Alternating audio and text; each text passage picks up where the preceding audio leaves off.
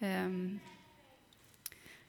I slutet på 90-talet så läste jag på Sturegymnasiet här i stan och hängde ganska mycket i Johanneskyrkan.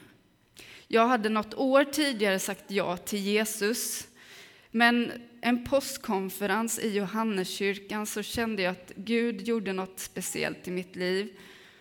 Och det var där jag någonstans bestämde mig att jag vill inte bara vara och leva lite grann för Jesus. Jag vill göra allt. Så där blev startskottet som gjorde att jag sen gick bibelskola, fortsatte att gå bibelskola, sen eh, gjorde familjegrejen och för ungefär fyra år sedan bestämde jag mig för att läsa till pastor.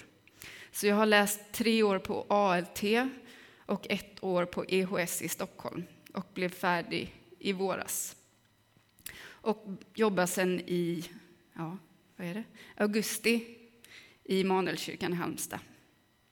Förutom arbetet i Immanuelskyrkan så är jag även ordförande för kvinnojouren i Halmstad. Så det tar ganska mycket av min tid också. Det är många kvinnor och barn i vår stad som behöver hjälp och råd och skydd.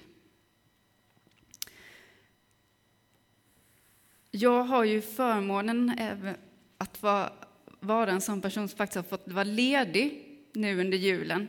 Det är väl kanske första julen på många, många år jag har varit helt ledig. Och vad gör man då när man är ledig? Ja, jag som många andra har väl suttit med min telefon ganska mycket och scrollat. Eh, favoritsakerna att titta på är eh, katter och framförallt hundar som gör roliga saker, som är söta. Det är min absoluta favoritsysselsättning när jag ska kolla på mobilen. Men sen ibland när man håller på att scrolla och, och titta på något så kommer det faktiskt lite vettiga saker ibland också som har lite betydelse och lite mening som får en att tänka till. Och så var det för någon vecka sedan här. Jag såg ett klipp där det var en journalist som ställde en fråga först till några vuxna och sen till några barn.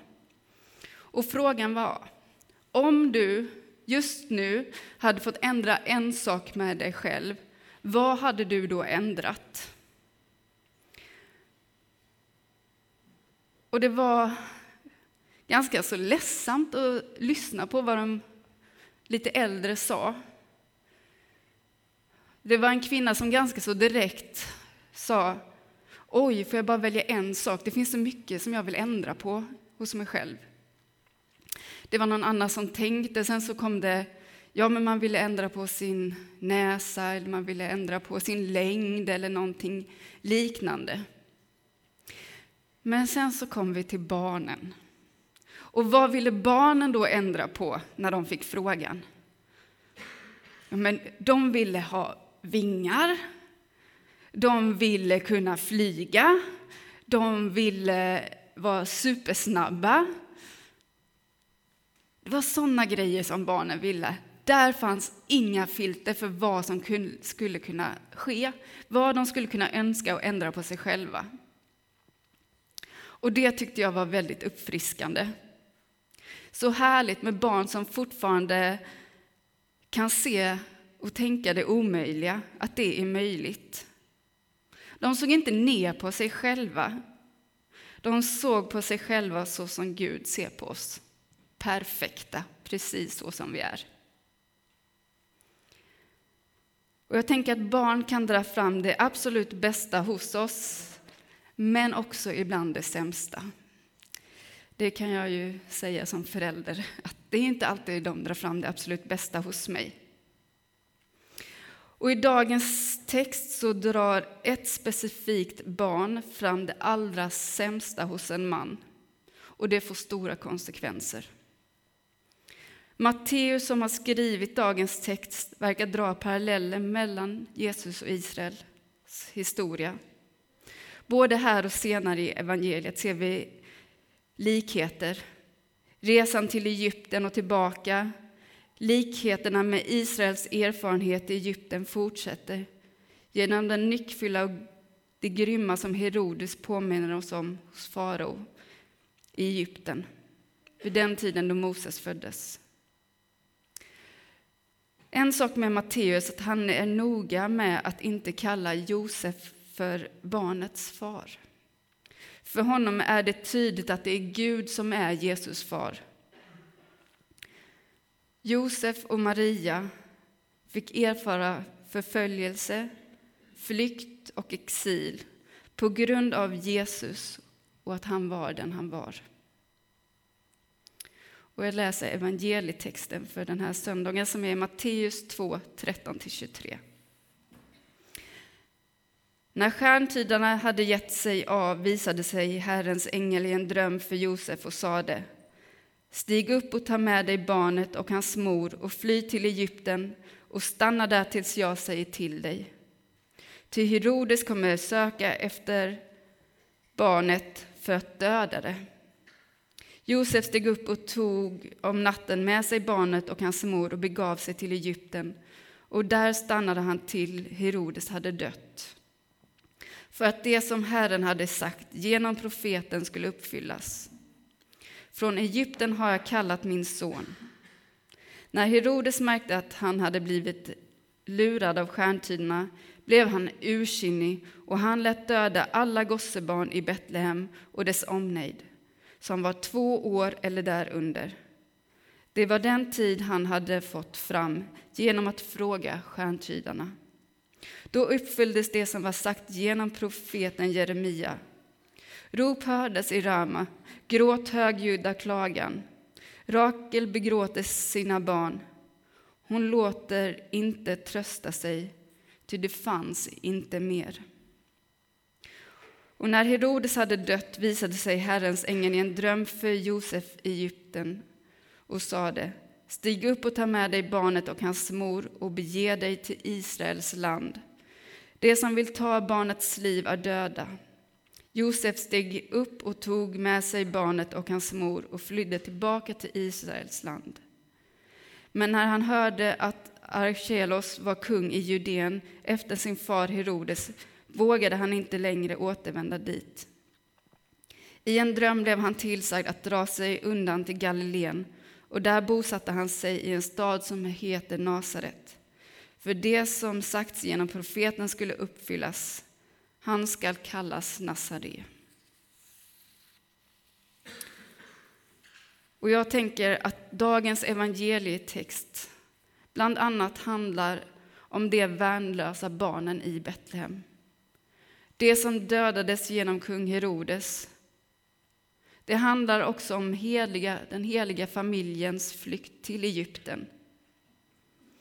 Och vi får påminna oss idag om att Jesus själv var flykting. Gud bevarade Jesus genom de dramatiska händelserna och det som får väcka vår tacksamhet. Men det kan också väcka frågor om varför inte alla kunde skonas. Denna berättelse om Jesus kopplas samman med händelser ur det judiska folkets historia. Samtidigt så finns det en koppling till utsatta människor och situationer i våran tid. Det som händer just nu i våran värld. Man räknar med att 110, 110 miljoner flyktingar, människor är på flykt enligt UNHCR som är FNs flyktingorgan. Och definitionen av en flykting är Flyktingar har tvingats lämna sina länder på grund av krig, konflikter eller förföljelse. De kan inte återvända hem i säkerhet. Många av dem är barn. Det som kunde tyckas självklart, att ta hand om dessa våra minsta, det som är vår framtid. Men detta visar sig många gånger inte alls så självklart. Barn som befinner sig i krigszoner, ensamkommande flyktingbarn. Barn som får arbeta under hemska förhållanden. Barn som smittas av hiv innan de ens är födda. Barn som inte har mat för dagen. Guds barn är lika utsatta idag som det var då. Själva Gud, själva Jesus själv föddes till denna världen som ett litet barn. Och varje gång ett barn lider så lider också Gud själv. Och man kan fråga sig, orkar vi ens titta på allt lidandet? Jag vet inte hur ni gör, om ni orkar titta på alla reklamfilmer om olika biståndsorganisationer som vill ha pengar. Men ibland orkar jag inte titta och då får jag stänga av.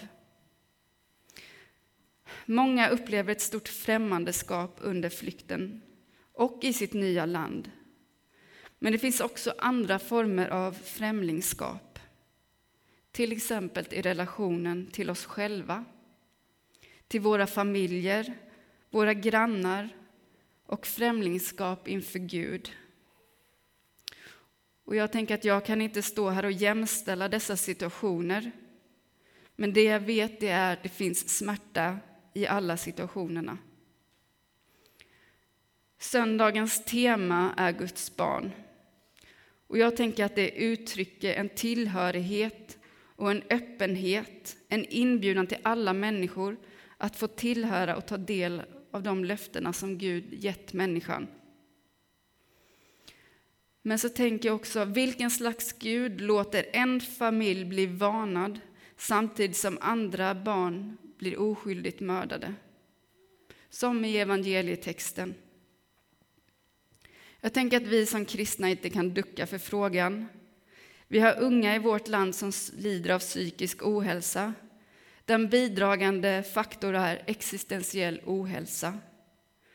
De behöver få brottas med de här frågorna lika mycket som jag har gjort och fortfarande gör. Är det som beskrivs i dagens evangelietext en historiskt korrekt beskrivelse av en händelse? Är den förfärlig? Och jag talar varken för eller emot om den är det, men vi måste våga ställa frågan. Och vi måste våga brottas med det som står. Men jag tänker att vi som Kristi kyrka måste vara beredda att möta tvivel, bemöta existentiell oro. Vi måste kunna diskutera den här grymma världen vi lever i. Vi måste möta barnen som lider och inte gömma oss inne i våra kyrkor. Vi måste visa på hoppet och livet. Och i svåra tider så kan vi i alla fall hämta kraft hos Fadern och sen kämpa på. Hur ska vi kämpa på? Hur ska vi orka? Då tänker jag genom de små barnen som jag berättade om tidigare. Att fortsätta våga tro på det omöjliga, på det konstiga, att ha en barnslig förväntan på Gud och att vara barn inför Gud. Våga se möjligheterna och inte se ner på oss själva och våra gåvor som vi så lätt gör. Och vi behöver våga bryta upp från det förhållande från de sakerna som inte riktigt fungerar. I Matteus 18 står det så här. När lärjungarna frågade Jesus vem som egentligen är störst i himmelriket, då kallade han till sig ett barn och ställde det mitt ibland dem och sade Amen säger jag er, om ni inte omvänder er och blir som barn kommer ni inte in i himmelriket. Jesus vänder på alla föreställningar om makt och positioner. Att ett barn skulle kunna vara ett exempel för vuxna i det grekisk-romerska samhället uppfattades mest som förolämpning. Och även i den israelitiska sfären hade barn väldigt låg status. Barn har inga meriter. De har ingen social tyngd eller status. Barnet är sårbart och behöver omsorg och skydd.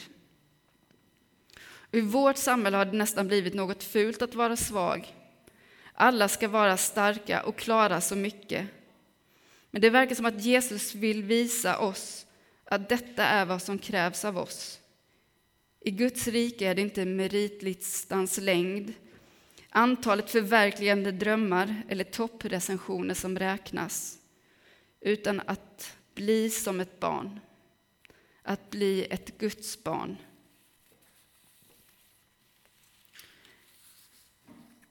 Gud bjuder in det som går förbi, det oansenliga det som, tro, det som tror att det inte förtjänar det. De bjuder Gud in. Men Gud bjuder också in det ansedda och det efterfrågade de som är väl medvetna om sin kapacitet. Gud bjuder in den som tvekar och tvivlar på vem han, hon eller hen är. Gud bjuder också in dig och mig som tvivlar och tvekar ibland på vem Gud är. Gud bjuder in alla för att Gud vill det. Och i natt eller kväll rullar vi in i 2024. Och det kan vara lätt att glömma att den första julen firades i ensamhet och på flykt. Var gång vi skyddar ett barn, en skyddslös, en rättslös, skyddar vi Gud själv. Varje gång vi omfamnar det sköra och det skyddslösa inom oss tar vi tillvara på Jesusbarnet och låter på så vis kärlek och livet få växa till i vårt eget liv. Låt oss göra det vi kan för att hjälpa Gud att bjuda in alla människor och att be för dem som vi inte får möjlighet att bjuda in eller de som inte vågar ta steget att komma in i en kyrka. Låt oss ändå i barnslig förväntan tro att det omöjliga är möjligt. Och jag vill avsluta med en bön. Gud, så mycket är dolt för vuxna, men synligt för den som är barn. Hjälp oss att ta vårt vuxenansvar och behålla barnets tillit. Låt oss få möta dagen med barnens friska sinne och samtidigt med vår vuxnas erfarenhet. Det som är bra för barn är bra för vår värld. Gud, du vår klippa och vårt hopp. Tack att vi får vara dina barn. Amen.